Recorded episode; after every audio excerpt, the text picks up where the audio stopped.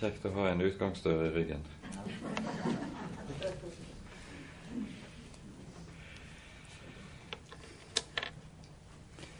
Vi skal altså på de bibeltimene som eh, jeg skal ha denne høsten, ta for oss Paulus brev til galaterne. Og Dermed så skal vi også ta for oss et brev som på mange måter står i en særstilling. Ikke bare i Det nye testamentet, eh, men også kirkehistorisk. I Det nye testamentet står brevet i en særstilling som vi etter hvert vil se mer av, men vi merker her på en helt spesiell måte apostelens hjerte sak, hvordan hans hjerte banker. Det er ikke noe brev i Det nye testamentet hvor vi hører Paulus er så lidenskapelig i sitt engasjement, for å bruke et sånt ord, i det han brenner for å bevare budskapet, at menighetene skal bli bevart hos den Herre Jesus. Og så er brevet også spesielt i kirkehistorisk sammenheng, i det dette brevet også kom til å ha veldig stor betydning i reformasjonsårhundret. Luther kaller brevet rett og slett for sin kjære Katarina. Det var han, jo hans kjære og elskede hustru. Og eh, det var med andre ord dette han satte høyest av alt Det nye testamentets brever. Og Det er da også slik at Luther to ganger i sin tid som foreleser Han eh, gikk gjennom svært mange av de bibelske skriftene. Så gjennomgikk han Galaterbrevet to ganger. Og, og Luther sin Galaterbrevskommentar er da også en av de bøkene som i ettertid kanskje har betydd aller mest for svært, svært mange troende. Der har de funnet friheten i evangeliet, der har de kunnet bli løst fra trelldom, fra anfektelse og fra mange hånde slags tvil som et menneske og som en kristen sjel kan kjempe med. Luthers kommentar til Galaterbrevet inneholder så mye dyp kristelig sjelesorg, samtidig som det gir oss klart lys inn i evangeliet. Så vi kan godt forstå hvorledes denne boken har fått stor betydning også i kirkehistorien. Så skal jeg anbefale noen bok i utgangspunktet for disse bibeltimene, så må det være denne. For de av dere som ikke har den, se og gjør dere møye for å få tak i denne, og les den nøye og med oppmerksomhet. Det er ingenting som kan gi større lys i evangeliet enn meget av det vi finner i denne boken. Vel, la oss nå be sammen før vi går inn i selve brevet. Kjære gode Herre og Hellige Far. Nå takker og lover vi deg at vi skal få komme sammen i ditt hellige navn og om ditt dyrebare ord. Takk, Herre, at du selv har lovet å møte oss i Ordet. Der åpenbarer du din Sønn i evangeliet for oss, det evangelium som kan løse syndere og føre oss like hjem til himmelen. Derfor, Herre, er vi avhengig av at du på ny og på ny kommer til oss med din Hellige Ånd og lukker opp evangeliet så vi kan få se Jesus, se hva du har gitt oss i ham, og se hvorledes dette er tilstrekkelig for oss i enhver henseende. Så ber vi derfor, Herre, kom du, kom med din ånd og vær hos oss, og tal til våre hjerter, så vi kan få trøst av ordet ditt, få hjelp til troen, få den hjelp vi trenger mot djevelen, mot synden, mot alt ondt som vil angripe oss. Herre, kom du. Det ber vi for Jesus skyld. Og takker og lover deg, Herre, fordi du er god, og fordi din miskunnhet varer til evig tid. Amen. Vi gjør det da sånn at vi nå på denne bibeltimen her prøver å komme igjennom de tolv første versene i Galaterbrevet. Så vi leser nå dem innledningsvis og i sammenheng. Paulus, apostel, ikke av mennesker eller ved noe menneske, men ved Jesus Kristus og Gud Fader, som oppvakte ham fra de døde, og alle de brødrene som er hos meg, til menighetene i Galatia. Nåde være med dere og fred fra Gud, Fader og vår Herre Jesus Kristus, Han som ga seg selv for våre synder, for å fri oss ut av den nærværende onde verden, etter vår Guds og Faders vilje. Ham være æren i all evighet. Amen. Jeg undrer meg over at dere så snart vender dere bort fra Han som kalte dere ved Kristi nåde, til et annet evangelium, skjønt der ikke er noe annet. Det er bare noen som forvirrer dere og vil forvrenge Kristi evangelium. Men selv om vi, eller en engel fra himmelen, forkynner dere et annet evangelium enn det vi har forkynt dere, han være forbannet som vi før har sagt, så sier jeg òg nå igjen, om noen forkynner dere et annet evangelium enn det som dere har mottatt, han være forbannet. Taler jeg nå mennesker til vilje eller Gud? Eller søker jeg å tekkes mennesker? Søkte jeg enda å tekkes mennesker, da var jeg ikke Kristi tjener. Jeg kunngjør dere, brødre, at det evangelium som er blitt forkynt av meg, ikke er menneskeverk. For heller ikke jeg har mottatt det eller lært det av noe menneske, men ved Jesu Kristi åpenbaring. Og der setter vi punktum. Når vi hører om Paulus brev til menighetene i Galatia, da er det kanskje godt for oss å være litt klar over bakgrunnen for brevet, den situasjon som brevet er skrevet inn i. Galatia det er et landområde som ligger midt i det indre av dagens Tyrkia. Og hovedstaden i Tyrkia, Ankara, var allerede den gang en by som lå midt i Galatia. Den gang het den Ankyra, og var hovedstad i den romerske provins, som også bar navnet Galatia, og som var skilt ut som egen provins i Romerriket år 25 før Kristus. Selve navnet Galatia kommer egentlig av Gallia. Da det hadde vært slik en 300 år før Kristi tid at det var en eh, stor gruppe av folkestammer som utvandret fra det som er dagens Frankrike, fra Gallia.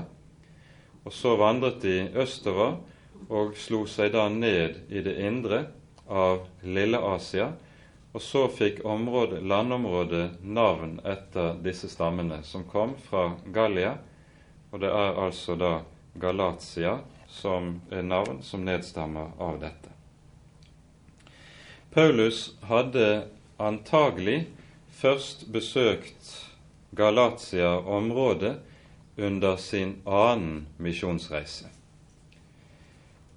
Også under den tredje misjonsreisen reiste han gjennom dette området, og det brevet Paulus her skriver, var antagelig avfattet midt imellom disse to misjonsreisene, dvs. Si ca. år 55, etter det som han vanligvis tidfester Paulus' misjonsreise.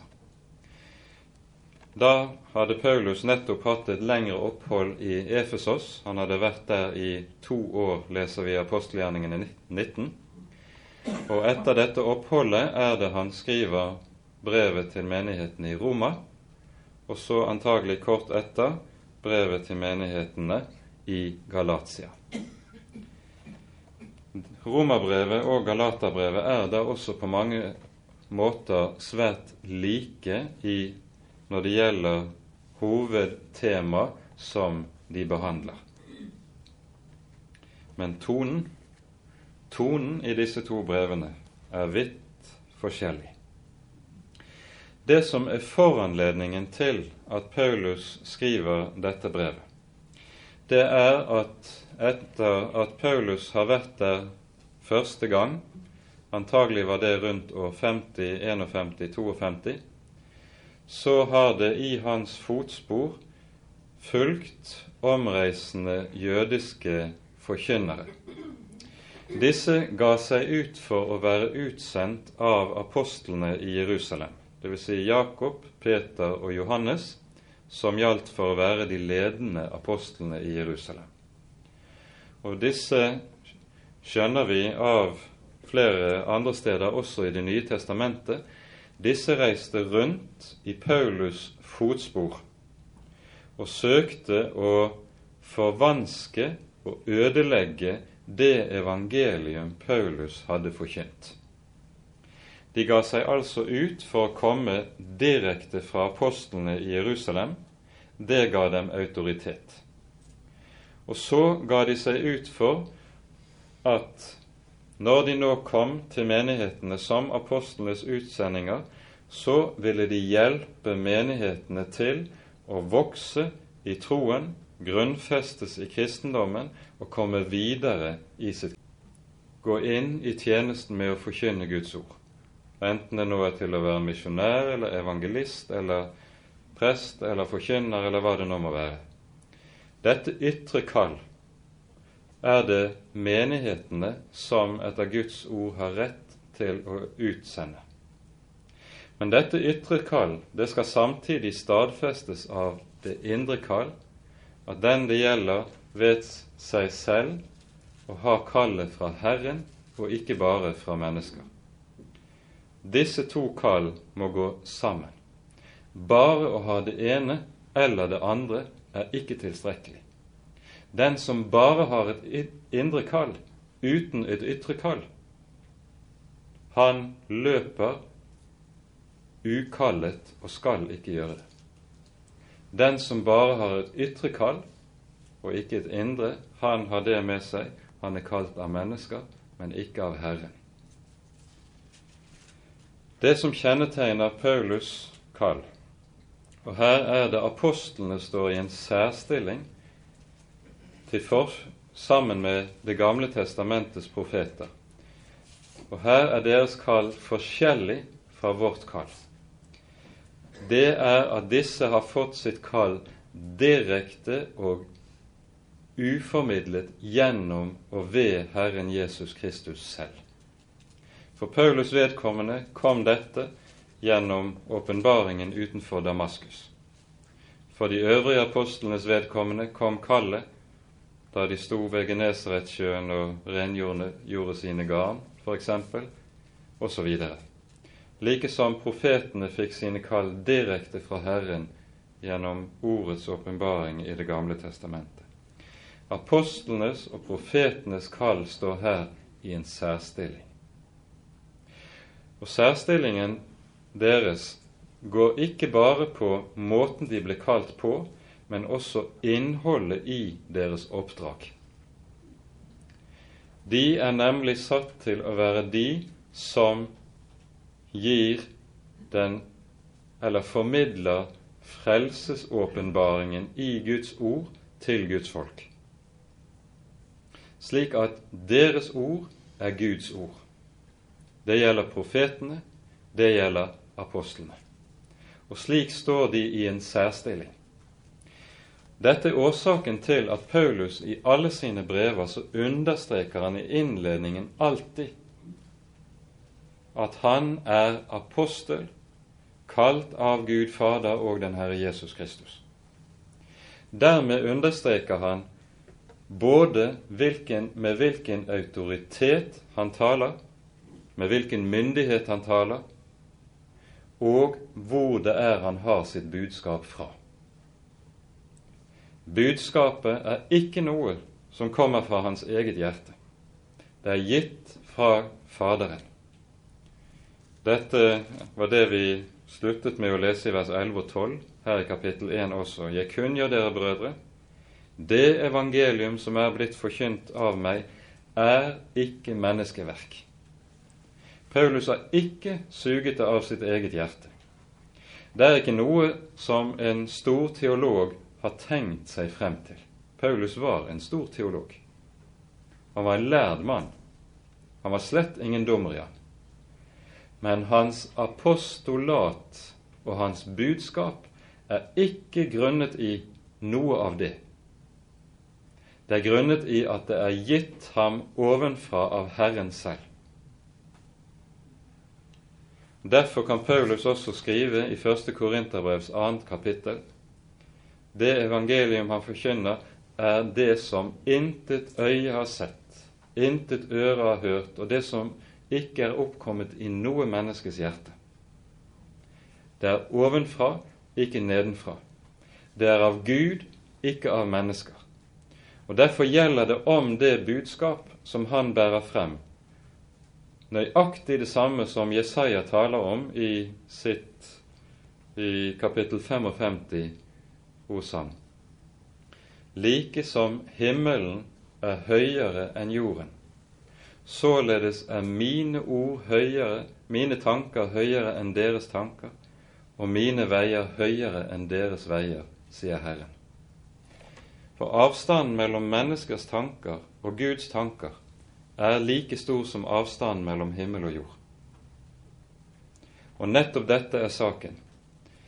Her, i det budskap Paulus forkynner og bærer frem med autoritet, blir det klart dette er det ord som er av Gud, intet mindre.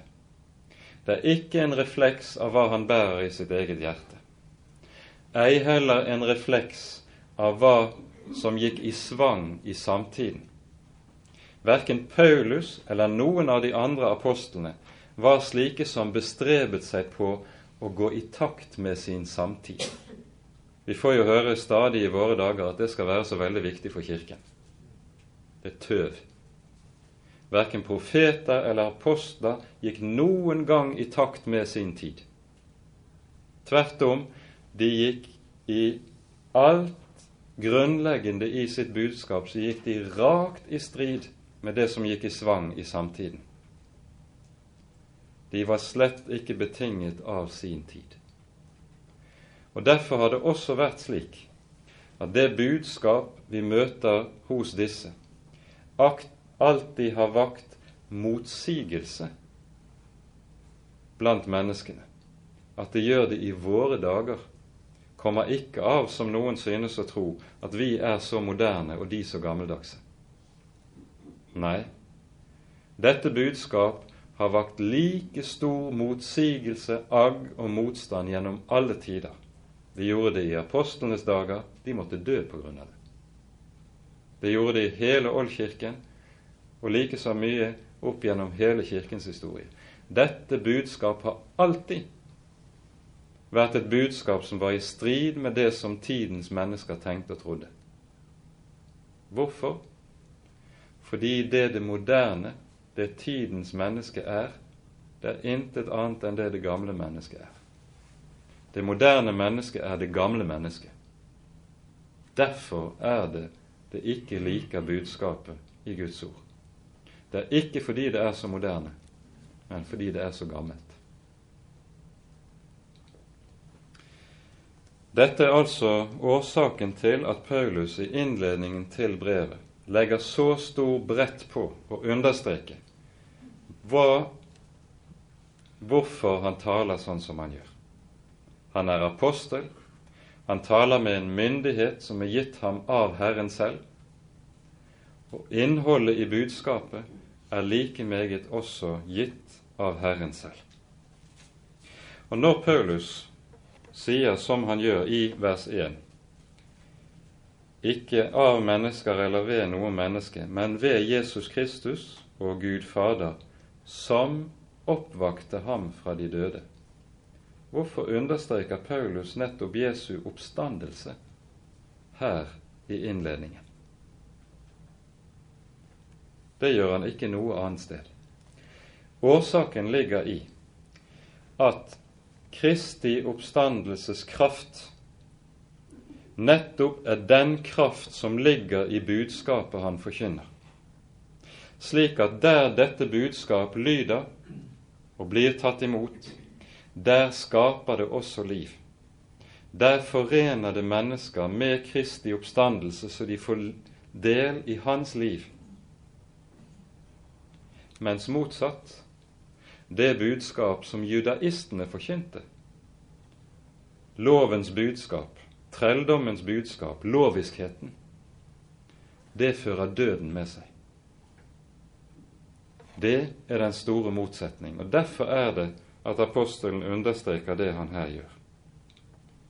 I vers 2 møte, hører vi at Paulus ikke er alene i dette brevet som han skriver. Han tar med seg alle de brødrene som er hos meg. Med det vil Paulus ytterligere understreke for menighetene i Galatia at dette som han her forkynner, slett ikke er noe han er alene om. Dette evangeliet er det felles kristne evangelium som alle de troende menighetene har del i og står sammen om.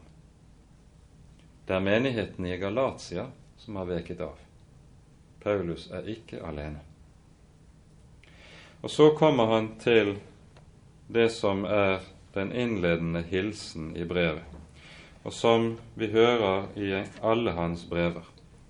Nåde være med dere, og fred fra Gud Fader og vår Herre Jesus Kristus.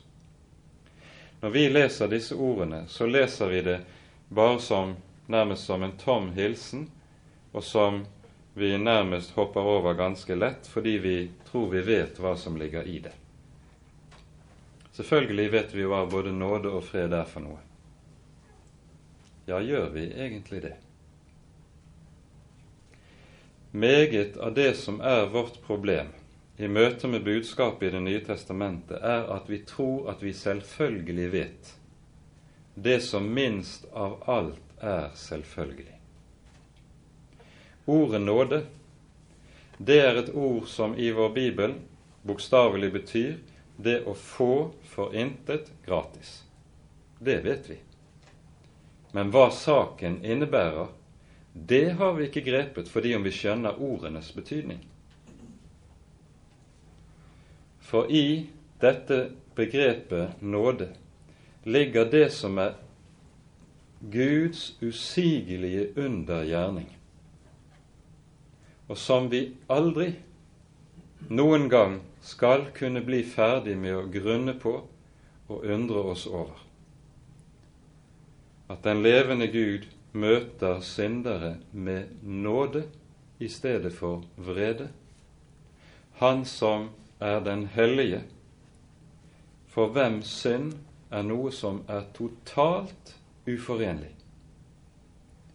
Synd er noe som er den hellige Gud absolutt vesensfremmed. Det er ikke noe som Gud i likegyldighet bare trekker på skuldrene av og sier 'det er ikke så farlig', og at han av den grunn er nådig imot oss. Nei, synd er noe som er Gud så vesensfremmed at overalt der det kommer i hans nærhet, så må det brenne opp i et evig bål kristenliv. Og så er underet at denne hellige og veldige Gud likevel i nåde bøyer seg ned og tar seg av syndere. Det er et usigelig og ubegripelig under. Den som står i nåde, det er også den som eier fred i ordets bibelske forstand. Fred i bibelsk forstand kan ingen eie uten å eie nåden. For freden er nådens frukt. Dette sier jo Paulus uttrykkelig i Romerbrevets femte kapittel. Da vi nå altså er rettferdiggjort av troen, har vi fred med Gud ved vår Herre Jesus Kristus. Samme sak sies i Jesaja 32. Rettferdighetens frukt skal være fred.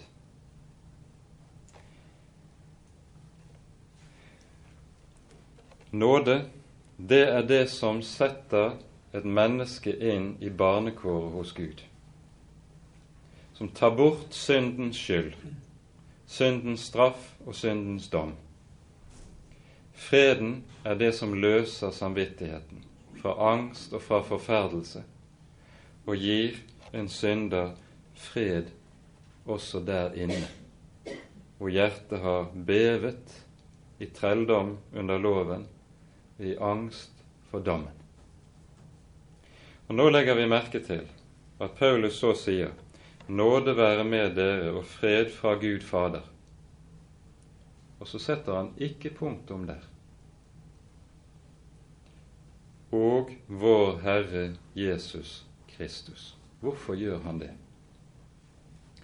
Det er fordi denne nåde er noe som er vunnet oss nettopp i og ved Guds sønn. Hedningene, de kan si at de har Gud. De kan si de tror på Gud. De kan si de har en kjærlig Gud. De kan si både det ene og det andre om Gud. Men de vet intet om mellommannen. For det er bare i og ved ham nåde og fred gis. Bare i og ved det offer han har brakt, barnekåret er åpnet. Og Dette er noe vi skal merke oss meget nøye. I våre dager kan vi altfor ofte høre mennesker som bærer kristennavnet, som utelukkende taler om Gud Fader. De taler om at det å være en kristen, det er å tro på Gud. Det er det aldeles ikke. Du kan høre det stadig i morgenandaktene på radio. Du kan høre slike som kommer og vil avlegge et kristent vitnesbyrd. De taler om Guds store omsorg og kjærlighet til dem, men de taler ikke om Jesus. Taler ikke om korset. Taler ikke om hva Han har ofret for deres skyld. Mennesker som kun taler om tro på Gud, de har en allmennreligiøs tro. Det er ikke kristen tro.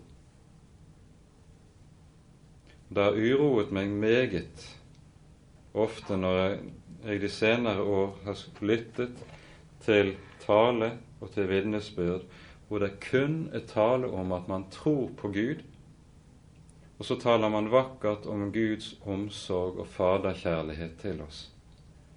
Men så hører du ikke vitnesbyrdene om korset, om blodet og offeret, det er betingelsen for at vi eier nåde. Dersom det bare allment tales om en Guds faderkjærlighet, da blir det også allmennreligiøsitet. Det er ikke kristendom. Og dette skal vi være meget obs på. Kristendom, det er Kristus og hans lidelse for vår skyld. Og Derfor er det apostelen føyer, til, som han her gjør etterpå. Vår Herre Jesus Kristus, Han som ga seg selv for våre synder, for å fri oss ut av den nærværende onde verden etter vår Guds og Faders vilje. Han som ga seg selv. Av og til kan du høre et menneske si 'Jeg skulle gi alt jeg eier, hva det så skulle være, for om jeg bare kunne få det og det, eller oppnå det og det', som betyr noe. Jesus ga ikke hva han hadde. Jesus ga seg selv. Sitt eget liv ga han for synderes skyld. Og det er langt, langt mer. Og det usigelige i dette er jo at her er det ikke tale om bare et menneske som gir seg selv i døden for sin tro på Gud, som martyrene kunne gjøre. Men her er det Gud som gir seg selv i døden for mennesket. Hvem kan begripe det?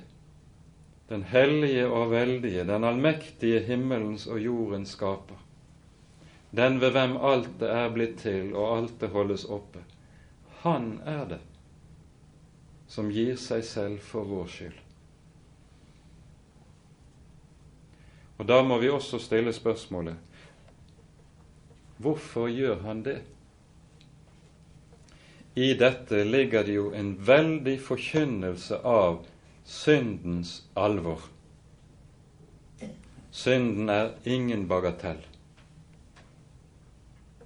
Hvis det bare var slik at han kunne sitte høyt der oppe i himmelen og si 'Dine synder er deg forlatt, alt er ok', da kunne han vel gjort det.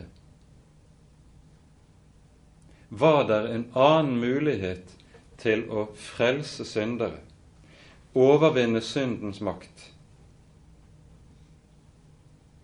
da kan vi nok regne med at han hadde gjort det hvis det var en annen mulighet. Men det var denne ene mulighet. Det sier noe om hvilken veldig og alvorlig skade synden egentlig er. Det uomvendte mennesket som ikke kjenner seg selv, det tenker at synd bare er en og annen handling. Du banner, man drikker litt for mye, sier kanskje litt for mange stygge ord til sin neste, snyter litt på skatten, men det er jo sånn som man kan holde opp med. Det er ikke synd. I bibelsk forstand. Selvfølgelig er det synd. Men synden i ordets bibelske forstand den ligger langt, langt dypere.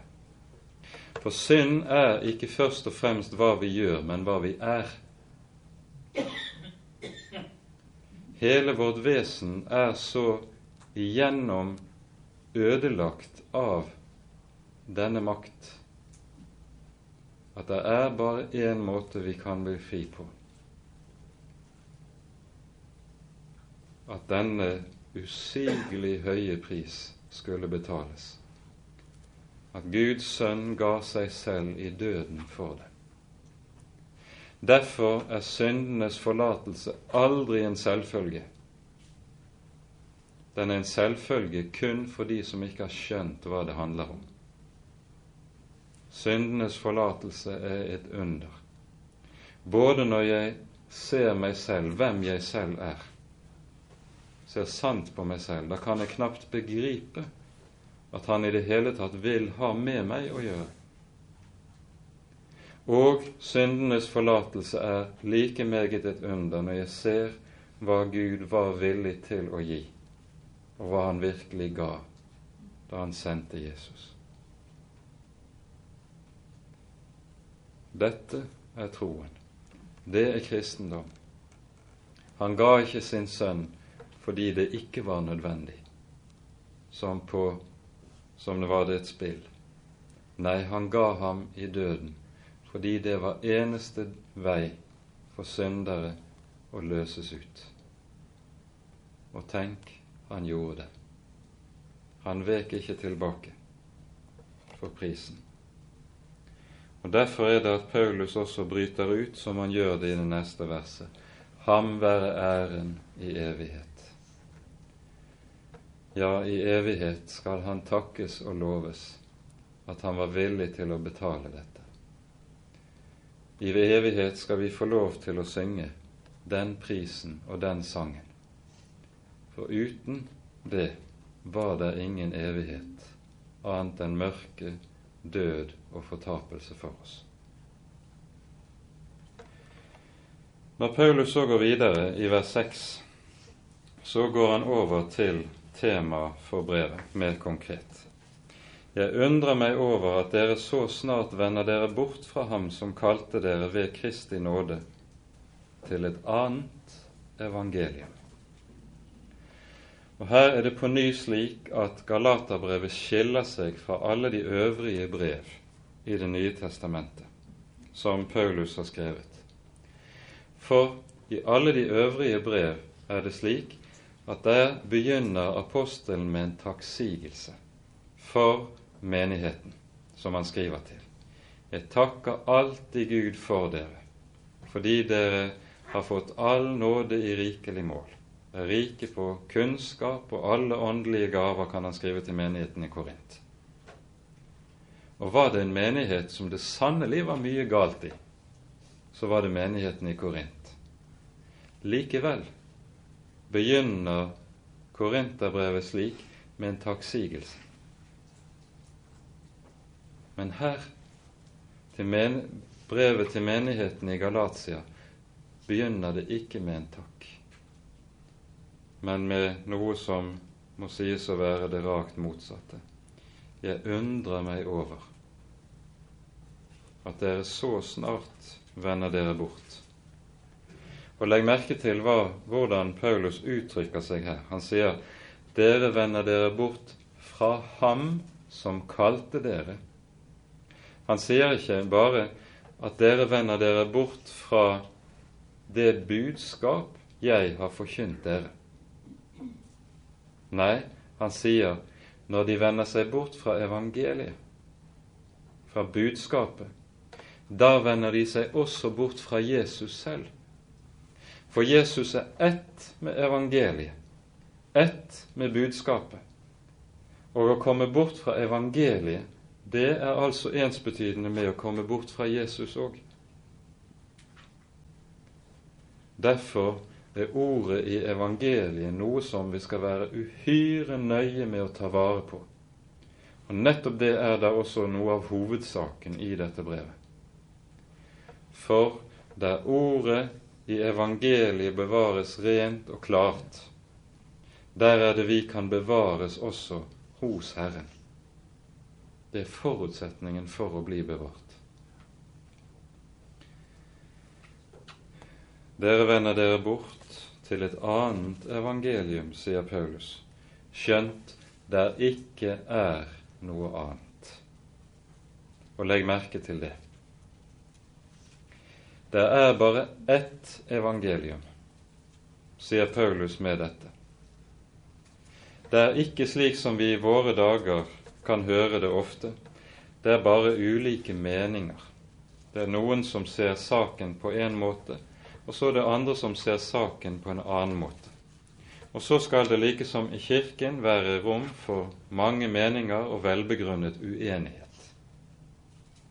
På den måten blir jo Kirken et fellesskap av innbyrdes motstridende oppfatninger og menneskelige meninger. Kirken blir da, den kristne menighet blir da, like pluralistisk som samfunnet vi lever i. Er det den kristne tro? Nei, vi forstår av det apostelen her sier. Det er intet annet evangelium. Evangeliet er ett fordi Gud er én. Han som kom og ga seg selv i vårt sted, han kalte seg selv sannheten, og han er ikke delt. Det er ikke noe annet, sier Paulus. Det er bare noen som kommer til dere og forvirrer dere og vil forvrenge Kristi evangelium. Verden har alltid vært full av falskmyntnere. Det har alltid vært slike som kommer og lager falsknerier på det ene og på det annet området til egen vinning. Og merk det. Det som nemlig kjennetegner all vrang lære, er at det gamle mennesket får noe av det. Men det som kjennetegner evangeliet, der det forstår rent og klart, det er at det gamle mennesket får ikke en tøddel. Det er derfor Jesus taler om at porten er trang. Det gamle mennesket kommer nemlig ikke inn der. Alt som det gamle mennesket setter høyt, det setter evangeliet ut av kraft.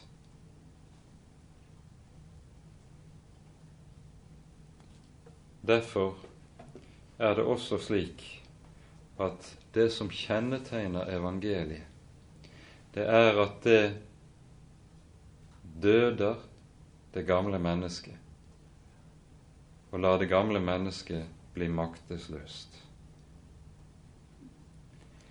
Og så kommer disse kraftige ordene som gir oss det som nesten for oss synes for sterkt. Selv om vi eller en engel fra himmelen forkynner dere et annet evangelium enn det som vi har forkynt dere, han være forbannet. Og Her skal vi legge merke til noe som er uhyre viktig. Vi har nemlig lett for å legge vekt på hvem det er som taler og sier en sak. Vi legger vekt på, vi legger merke til mennesket.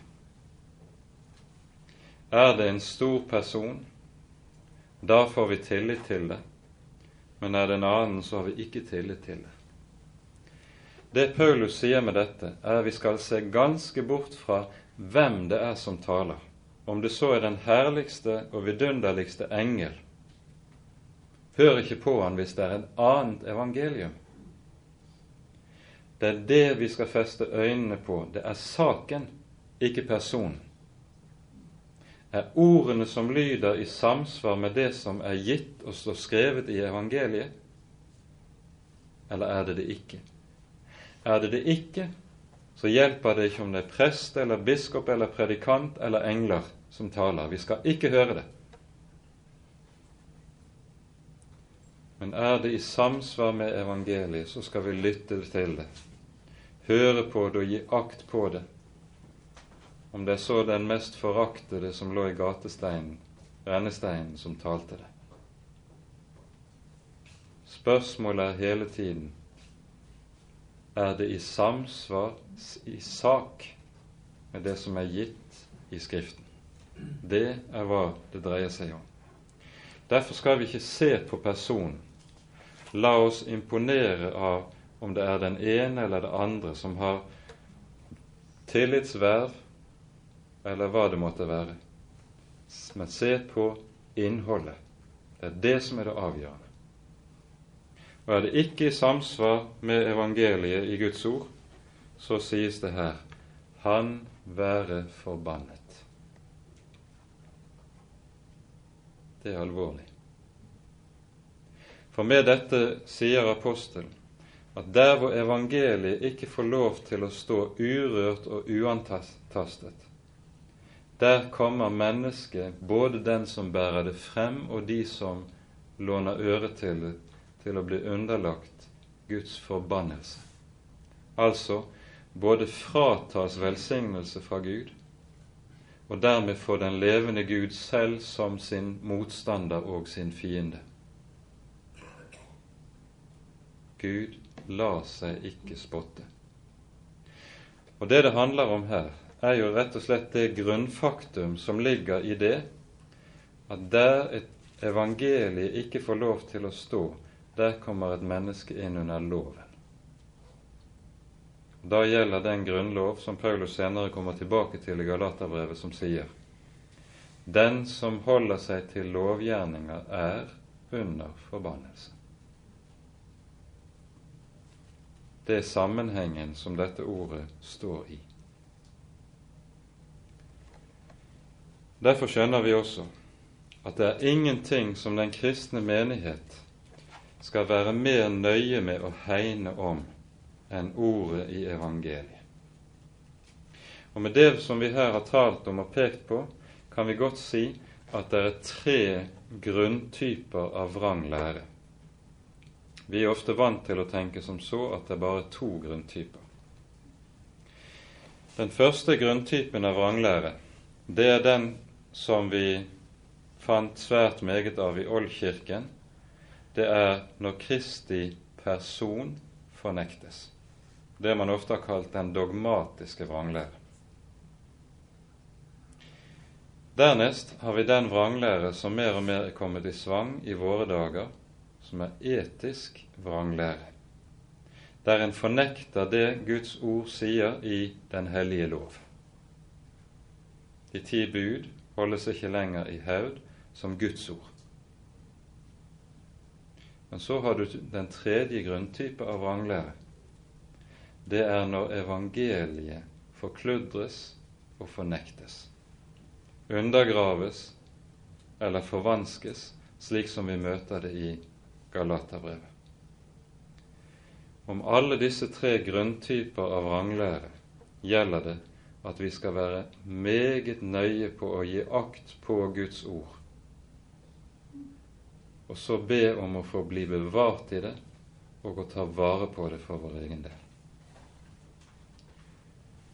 Legg nå merke til at Paulus så sier taler jeg nå mennesker til vilje eller Gud?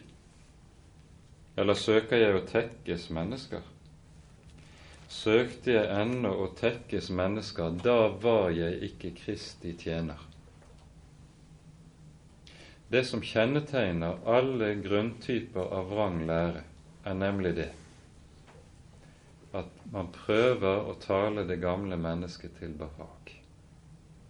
Da vil de mennesker som tenker sånn som tiden tenker, nikke fornøyd og si ja, det stemmer med sunn fornuft. For de falske profeter har alltid talt slik at det klør i menneskenes ører.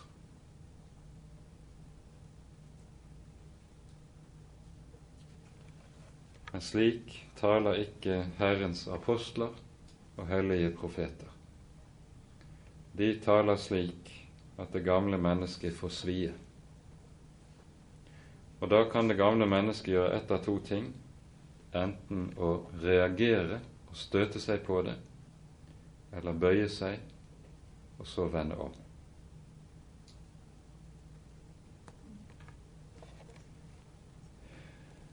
Det å være en rett kristig tjener, det er med andre ord og ta seg nøye i vare for å bli en som taler mennesker etter munnen, taler det som klør folk i øret. Men tenke om seg selv. Når jeg taler, da står jeg for Guds ansikt. Det er den levende Gud som skal veie mine ord, ikke bare mennesker. Og Derfor skal jeg først og sist tenke måtte mine ord være som Guds ord, enten det er lov eller evangelium som lyder. Dette er noe av det som Paulus taler om i innledningen av sitt brev, og så får vi sette punktum der, tror jeg. Ære være Faderen og Sønnen og Den hellige ånd som var og er og være skal, en sann Gud, høylovet i evighet. Amen.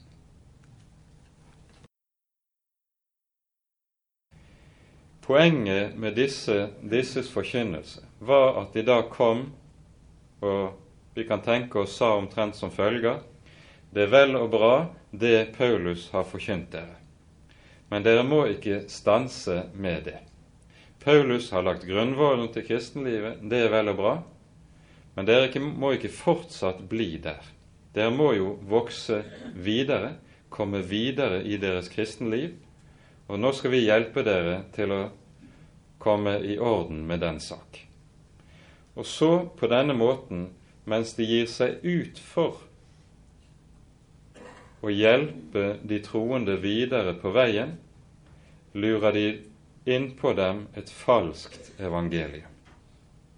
Hva handlet dette falske evangelium om? Det forstår vi videre av Galaterbrevet.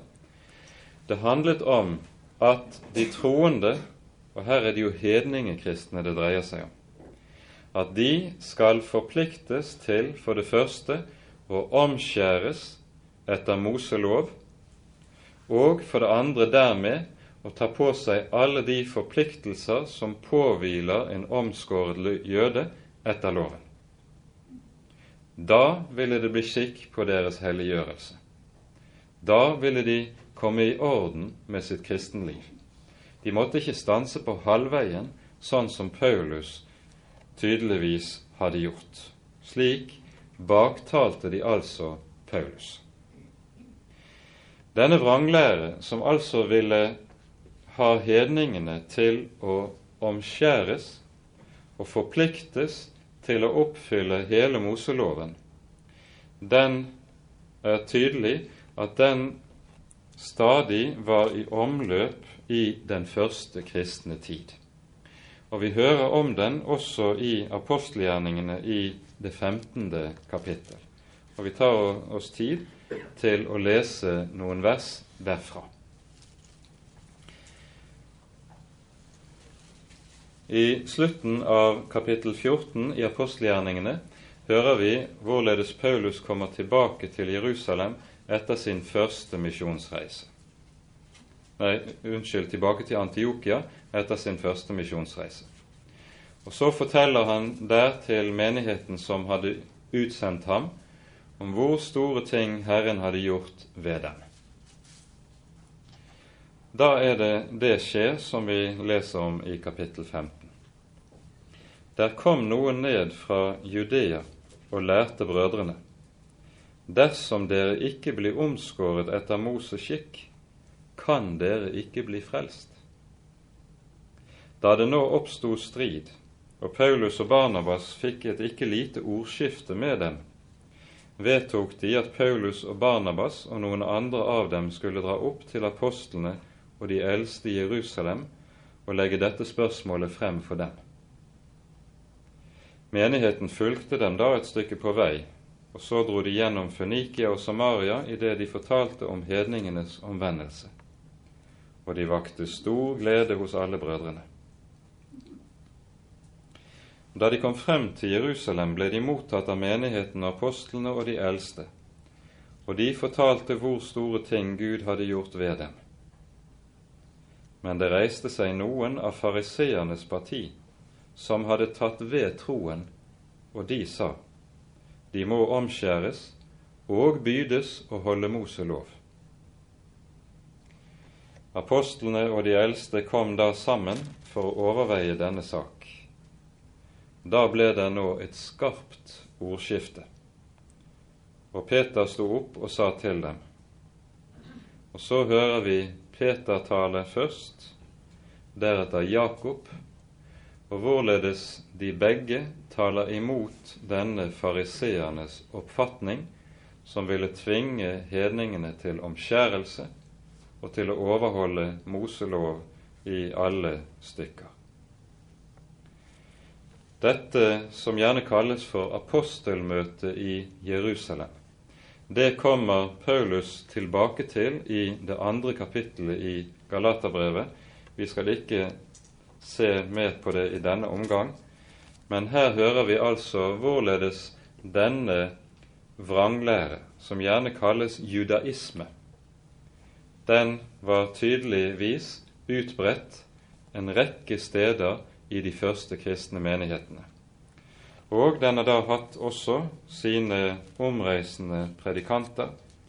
Og det som har skjedd i Galatia, er at tydeligvis er alle menighetene som fellesskap blitt revet med av denne vranglæren.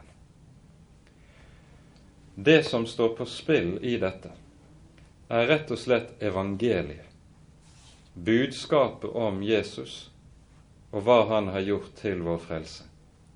Frelses vi i kraft av hva Jesus har fullbyrdet ved sin lidelse og død, eller skal vi legge, måtte legge noe til for at frelsen skal være fullstendig. Det er spørsmålet. Og vi forstår at dette spørsmål som vi her møter, det er jo ikke et spørsmål som bare var aktuelt den gang i apostlenes dager. På ny og på ny har denne vranglære meldt seg i den kristne kirke. Det Jesus har gjort, er ikke tilstrekkelig. Vi må komme med et eller annet i tillegg.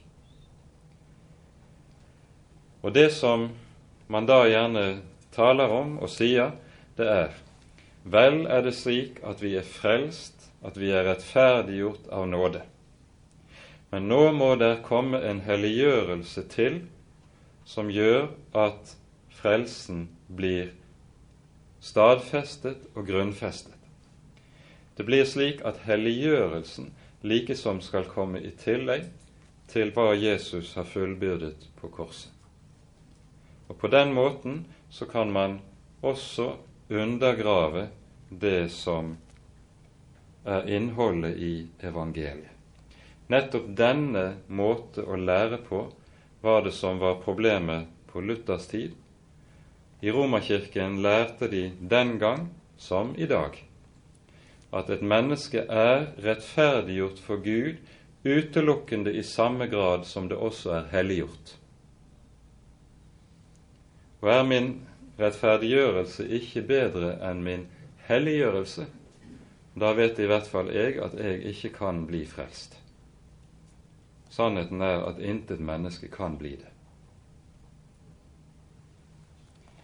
Dette vil vi komme tilbake til etter hvert. Dette var noen ord om som inngang til Galaterbrevet for at vi skal se hva som er foranledningen til at Paulus skriver, og hva det er han med dette vil behandle. Nå innleder Paulus brevet på en måte som er meget spesiell i mer enn én en henseende. For det første så hører vi Paulus i vers 1 skrive som han her gjør. Paulus, apostel, ikke av mennesker eller ved noe menneske. Hva er årsaken til at Paulus her understreker så sterkt at hans apostelembete ikke er noe som er formidlet fra eller ved mennesker? Jo, foranledningen til det er jo nettopp at her setter apostelen sitt eget kall i motsetning til de falske forkynnere og apostler som som løp omkring og forførte menighetene. De hadde fått sitt kall fra hvem? I alle fall hadde de fått sitt kall fra sitt eget hjerte, ikke fra Gud. I den mening var det i hvert fall fra mennesker. Og dette er dessverre noe vi ser altfor meget rundt omkring i kristenheten, ikke bare den gang, men også i våre dager hvorledes enkelte gir seg til med å løpe omkring og skulle forkynne noe som de kaller Guds ord, utelukkende fordi de har et eller annet subjektivt overbevisning om å ha kall. Men de har kun kall fra seg selv, ikke fra Gud. Vi hører dette om vranglærerne også i Det gamle testamentet.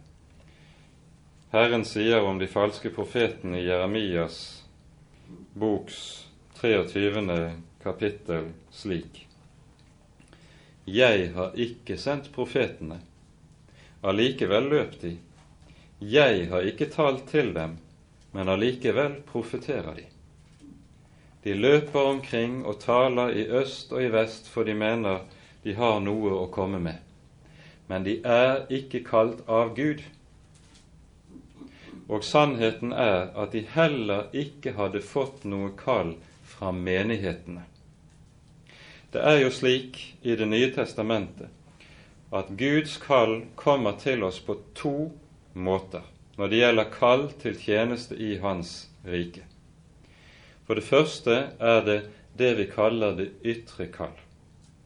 Det er et kall som formidles gjennom den kristne menighet til slike som menigheten ser du skal